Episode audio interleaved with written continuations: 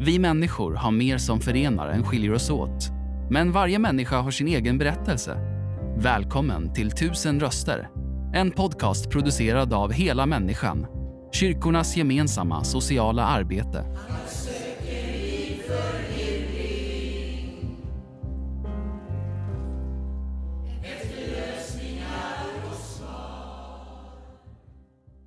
Sitter här hos Hela Människan Ria Gävle och träffar Astrid som är 22 år. Hon kommer utanför Hofors, Hofors som ligger strax utanför Gävle. Hej, hur är läget? Jo tack, det är bra. Ja. Ehm, kan du berätta lite om din situation idag? Ja, jag, jag är hemlös. eh, Hur länge har du varit hemlös? I ett år, ganska prick. Mm. Vad har du behövt sova på för ställen? Oj. Det har mest varit i trappuppgångar. Men... eh, Ja. På tågstation mycket. Här på Härberget. Mm. Jag försöker komma på det värsta stället. Men... Jo, det var nog fan i hissen på, på Centralen. Sista april. Det var, det var inte kul. Ja. Men du ehm, började lite röka på och sådär, hasch och så när du var 14. Vill du berätta lite om din uppväxt och den situationen där? Jag har haft en jättefin uppväxt. Mm. Eh, Med, med liksom inga, inga tendenser till att jag skulle bli sån här. Nej, men, Mm. eh, pappa polis, mamma jobbat på, på liksom äldreboende och fabrik och sådär. Mm. Du började röka på lite där och sen eh, Ja, jag te- testade då. testa och sen var det tyng, när, när började du med tyngre saker? Och så? Ja, det var efter efter att jag började, började röka hasch på riktigt, säger jag då. När jag var 18-19, då, då kom det ju in eh, amfetamin och sånt. Eh, Men jag har hållit mig jävligt lugn med det fram till för något år sedan. Och då började det spåra lite. Eller det- det eskalerade. Eskalerade? Ja. Var, var framförallt eh, amfetamin då, som har varit för dig? Nej, jag, jag har varit en riktig haschtomte. Ja. Ehm, men eh, det är lätt att det, att det går över till någonting billigare när man är i den här situationen. Mm. Och amfetamin är mycket, mycket billigare. Så Vad kostar ett, ett dygns användande? det beror helt på Mm. hur, hur, vilka mängder man tar. Liksom. Mm. Och det pendlar vilken mängd jag tar. Sådär. Beroende på vad jag gör och vad jag ska göra. Och vad, vad, ja, men vad man har råd med. Mm. Men, eh, so, i somras, eh, alltså maj, juni 2019 så blev du intagen för L, LVM. Ja, Vill du berätta lite om den historien? ja det, det tedde sig så lägligt att jag, jag och min pojkvän hade precis fått lägenhet och skulle flytta in. Vi hann sova en natt på våra bara kläder. Liksom. Den här lägenhet, lägenheten fixade vi själv privat. eh, Omöblerad. Så vi, Mm. ja, men vi sov på, gjorde en liten säng och kläderna. Och, så vaknar jag morgonen efter av att SOS ringer mig och säger att... Nej, det var min advokat som ringde. Och sa det att Astrid, SOS kommer ringa dig och du har LVM. Gör som de säger, annars blir det bara värre. liksom. Så... Då fick jag, fick jag åka iväg. Mm. Då blev jag lås, inlåst i, på Lunden. Nere i Lund. på SIS institution. Sen eh, skötte jag mig och fick komma på P27 kallas det. Eh, komma ut på ett behandlingshem och göra klart, göra klart tiden man har kvar. Då. Vilket Mm. för mig var fyra månader. Uppe i Kramfors. Och det var... Ja, det var bra.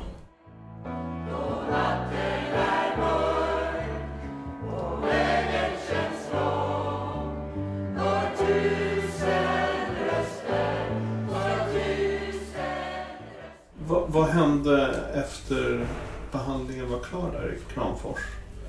Ja, inte det som skulle ha hänt i alla fall.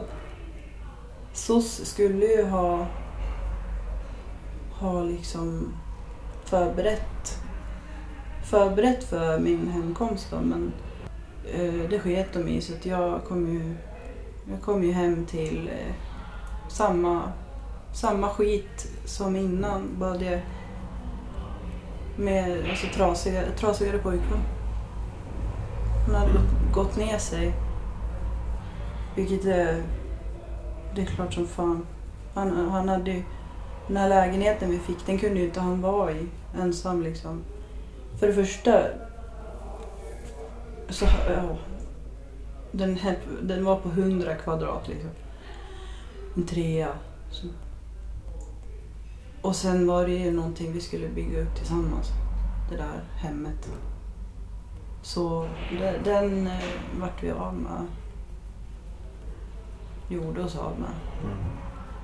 Men det fanns ingen stöttning från någon myndighet när du väl klev utanför dörrarna där på behandlingshemmet? Nej. Hur var din motivation då att sluta då? Vad hade du? Den var obefintlig. Ja. Jag, jag sa ju på LVM-hemmet att jag ville sluta men det var ju för att komma ut på P27. Så att jag inte behövde sitta inlåst liksom 24 timmar om dygnet alla dygn i veckan. Mm. Utom en timme man får promenad. Mm. Så ja, Men du, du sa här innan vi pratade om att du inte var färdig riktigt med, med drogerna än. mm. Vad är det som du liksom vill göra färdigt? Ja. Jag säger att är så enkelt att jag vill knarka klart.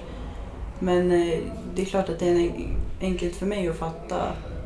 Men det är svårare för någon annan alltså, som inte Mm. har haft med missbruk att göra. Men att jag vill, jag vill fatta själv när jag är klar. Mm. att, att, att, att någon annan ska säga till mig när jag är klar. Eh, Nej, jag har aldrig trott på tvångsvård och jag vet inte fan om jag någonsin kommer göra det. Om det inte gäller psykisk. Men att få folk att sluta knarka, det, det, det är ingenting som tvångsvård duger till. Hur, vad skulle man kunna göra? Vad skulle samhället kunna göra för att hjälpa dig och, och hitta insikten?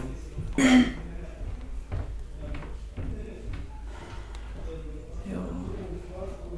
ja, en jättesvår fråga. Mm. Det har jag, det har jag inget svar på. Men... Jag, s- ja, jag vet inte om någon har riktigt har svar på den frågan. Det kanske man vet först efter. Mm.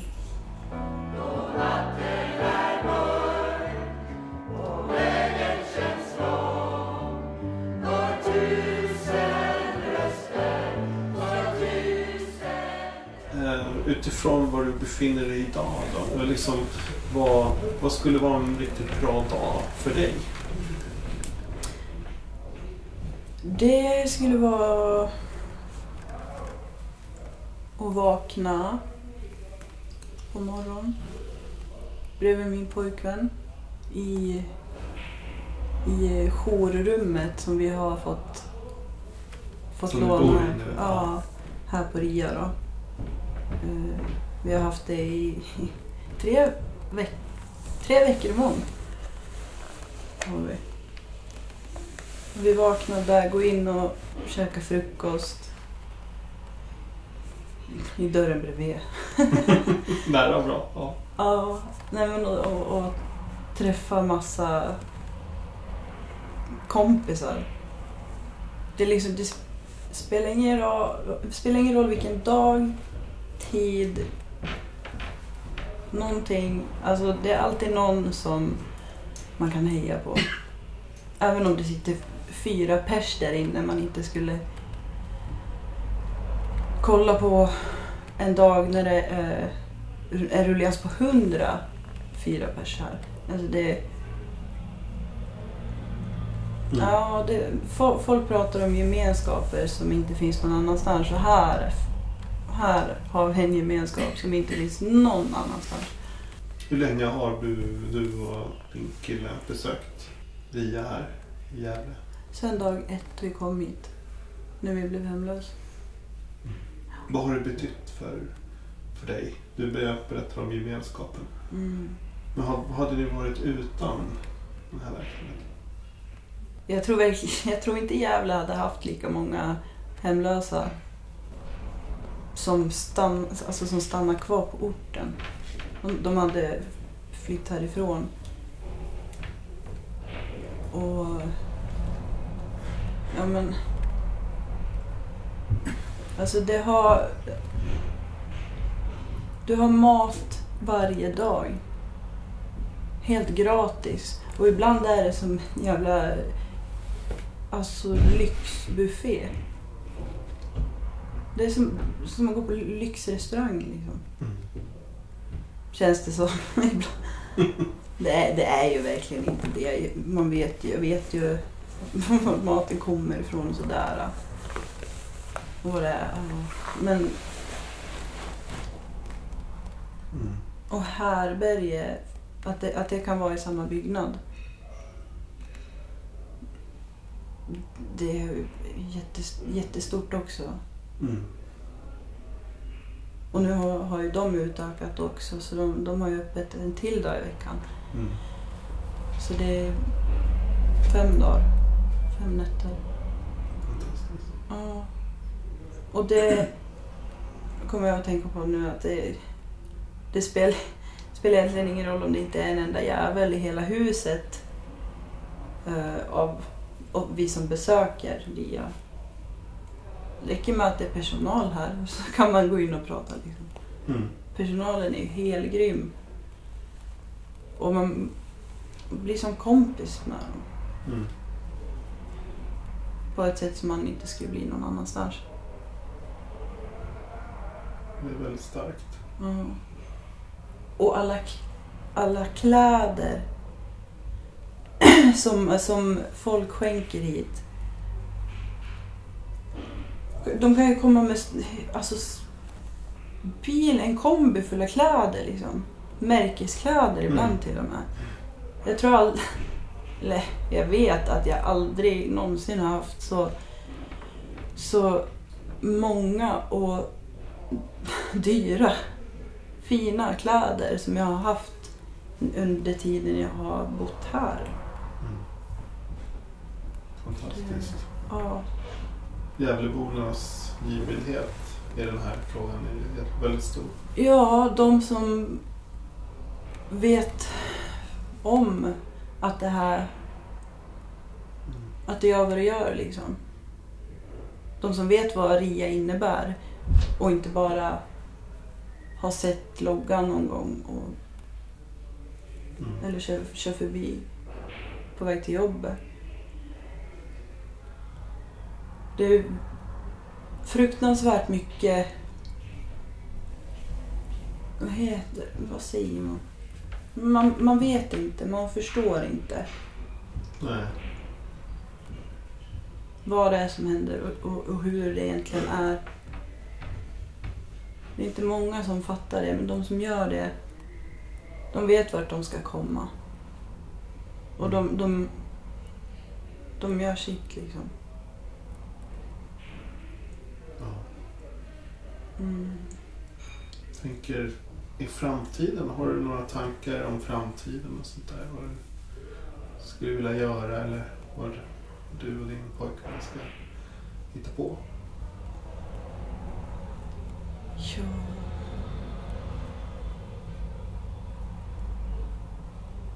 Vi har pratat om hus eller stuga. Något sånt. Något, något fristående som bara vårt. Någonstans eh, längre uppåt i landet. Men Mm. Ja, det, det, är väl, det är väl så långt man kan säga att jag har tänkt framåt. Jobb och sånt där får komma sen kanske. Liksom.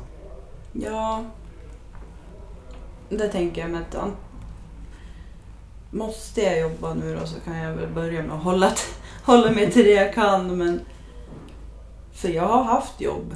Mm. Jag har haft lägenhet. En bostadsrätt till och med. Måste man ju skryta med och tillägga. Så, här. så att, eh, alltså. Det kan, kan hända vem som helst. Inte fan trodde jag för ett och ett halvt år sedan när jag satt hemma och, och käkade mina jävla smörgåsar Mm.